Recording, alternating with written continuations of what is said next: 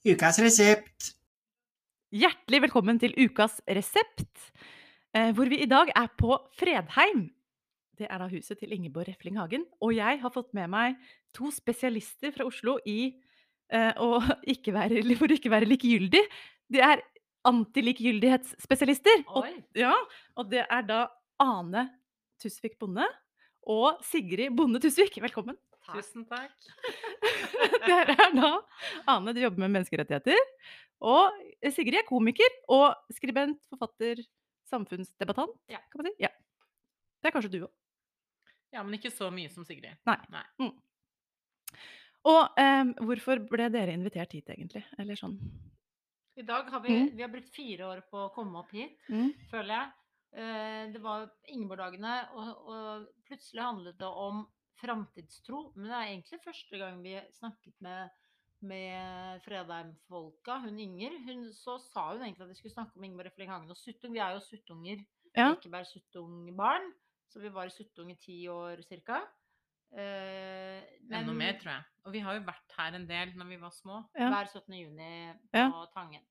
Så det er det som var utgangspunktet. Men Ja. det endte i framtidstro. Det var egentlig litt deilig i dag, da, når vi hadde en Ja. åpen, Men- åpen tone.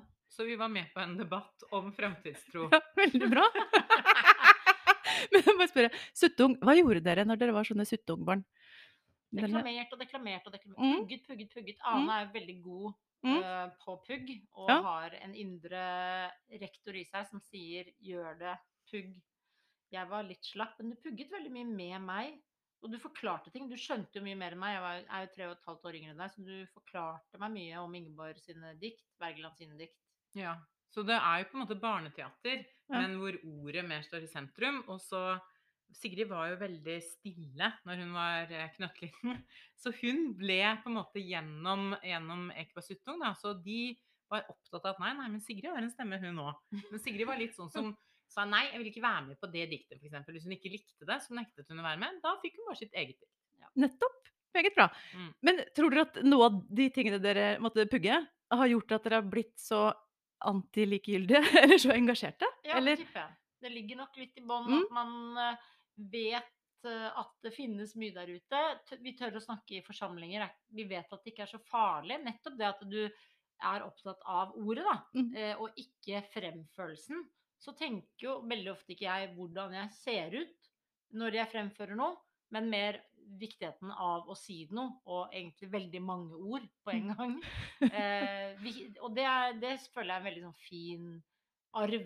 Mm. Og, så, og så tenker jeg at også Vi har jo gjennom eh, å bli kjent med Wergelands diktning, da. Så eksempel alle disse skuespillene om jødene og jødinnene. De handler jo om uretten, og egentlig den kampen han kjempet for at jøder skulle ha rett til å komme til Norge. Det fikk jo vi inn veldig tidlig, samtidig som vi hadde stykker som Ingeborg Efling Hagen hadde om kvinner i Bibelen. Dronning Vasti, hvor vi så kvinnenes rolle. Og det er jo det er mye vi har tatt med oss derfra som vi kanskje ikke skjønte når vi var små. Men så kommer vi tilbake til Og vi har jo litt sånn som har sånne små drypp. At vi kan ha en setning fra Per Gynt 'Djevelen står i alle kvinner'. Som vi har, ja, som vi har plutselig da, sammen.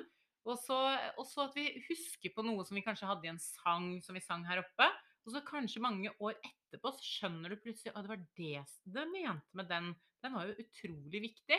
Som vi egentlig kanskje ikke skjønte når vi var små. Men det var jo litt det Ingeborg Refling Hagen også mente.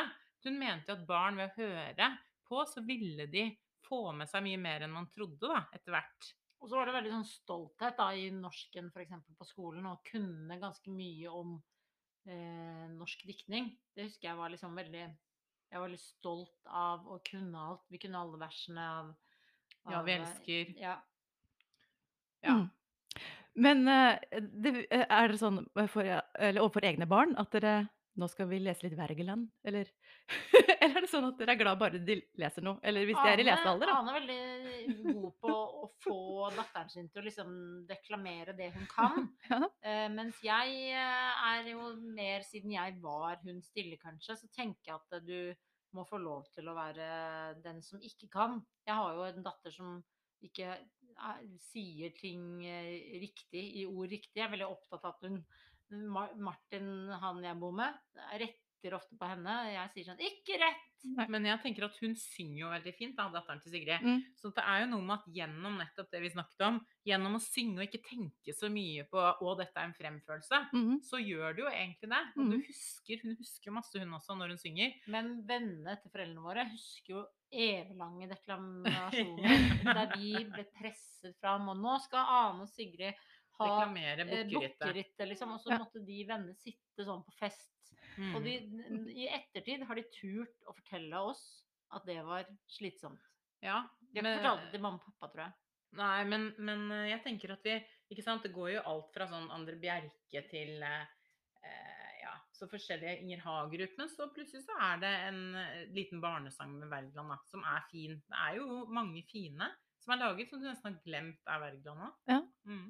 Gud, jeg, jeg, kan, jeg vet veldig lite om Henrik Wergeland, men uh, jeg ble litt flau i dag. Men jeg skal Jeg googla litt i stad. Jeg må lese mer Henrik Wergeland, har jeg Ja, funnet ut. og det er det som er gøy med Henrik Wergeland, at han var en veldig splitta person. Ja. Han var uh, upopulær, populær, mm. rasende, snill, kjempet for jødene, drakk seg drita, uh, klikka i kronikker i Morgenbladet og truet folk på livet. Altså, han var helt vill, liksom. Han Mm. var Ja. som et bitte lite kommentarfelt i ja. seg selv. Gud, ja, så Mm. kult. Ja, og det er det som er gøy som voksen å skjønne. liksom, Mm. Å ja, han var ikke bare en sånn der landsfaderaktig dikter som måkte ut veldig sånn patosdikt om Norge. Plutselig skjønner man, og det er veldig gøy å følge jeg, Vi abonnerer jo den der, på den Wergeland-kalenderen, så man kan få en gang hver dag et Wergeland-sitat.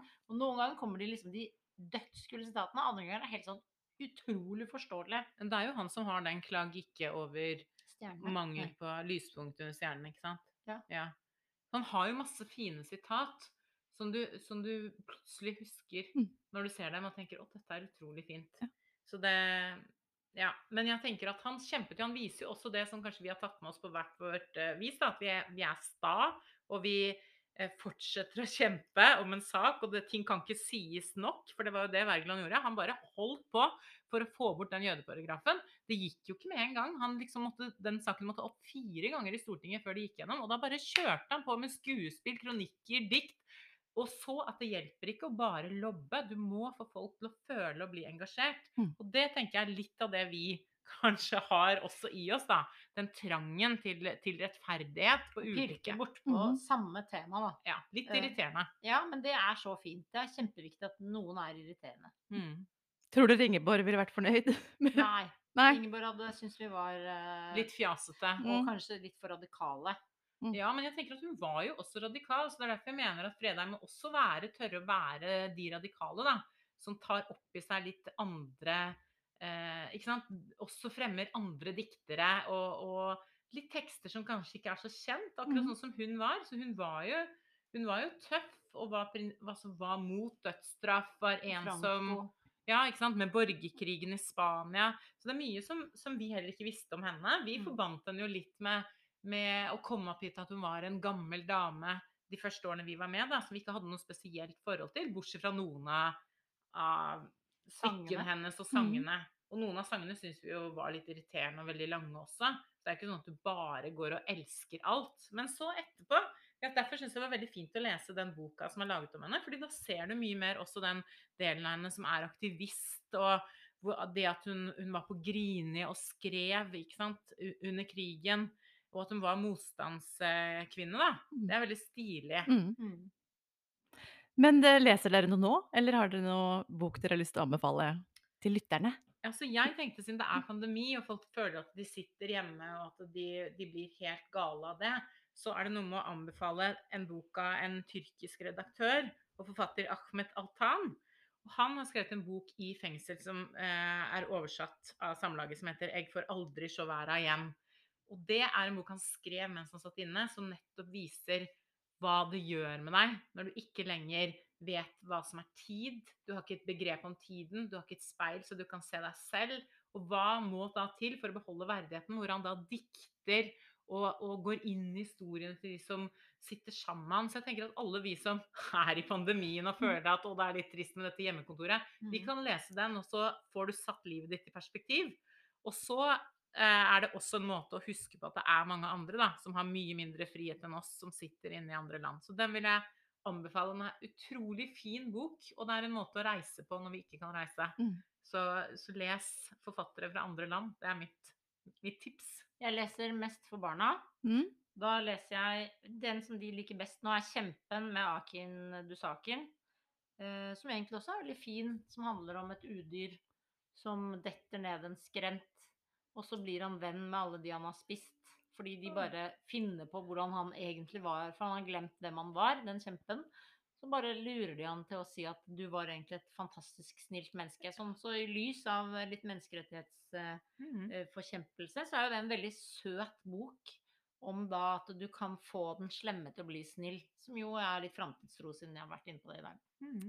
Ja. Det er bra å selvfølgelig tipse om en barnebok også. For Veldig bra. det er mye Mm. dritt der ute Ja. som voksne må gjennom.